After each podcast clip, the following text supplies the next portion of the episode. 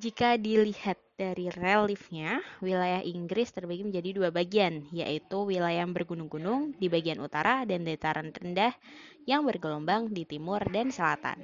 Perbedaan relief ini menunjukkan adanya perbedaan usia batuan. Batuan berusia lebih tua berada di barat dan utara, sedangkan batuan yang lebih muda berada di timur dan selatan.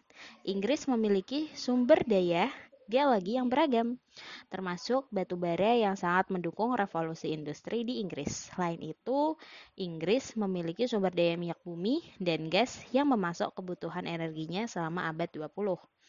Energi panas bumi juga dimiliki Inggris dalam jumlah yang terbatas. Beberapa sumber daya mineral yang tersedia di negeri ini adalah pasir dan kerikil untuk bangunan, kemudian logam, dan juga lempung kegiatan pertanian dan industri di Inggris telah mengurangi luas area hutan alamnya.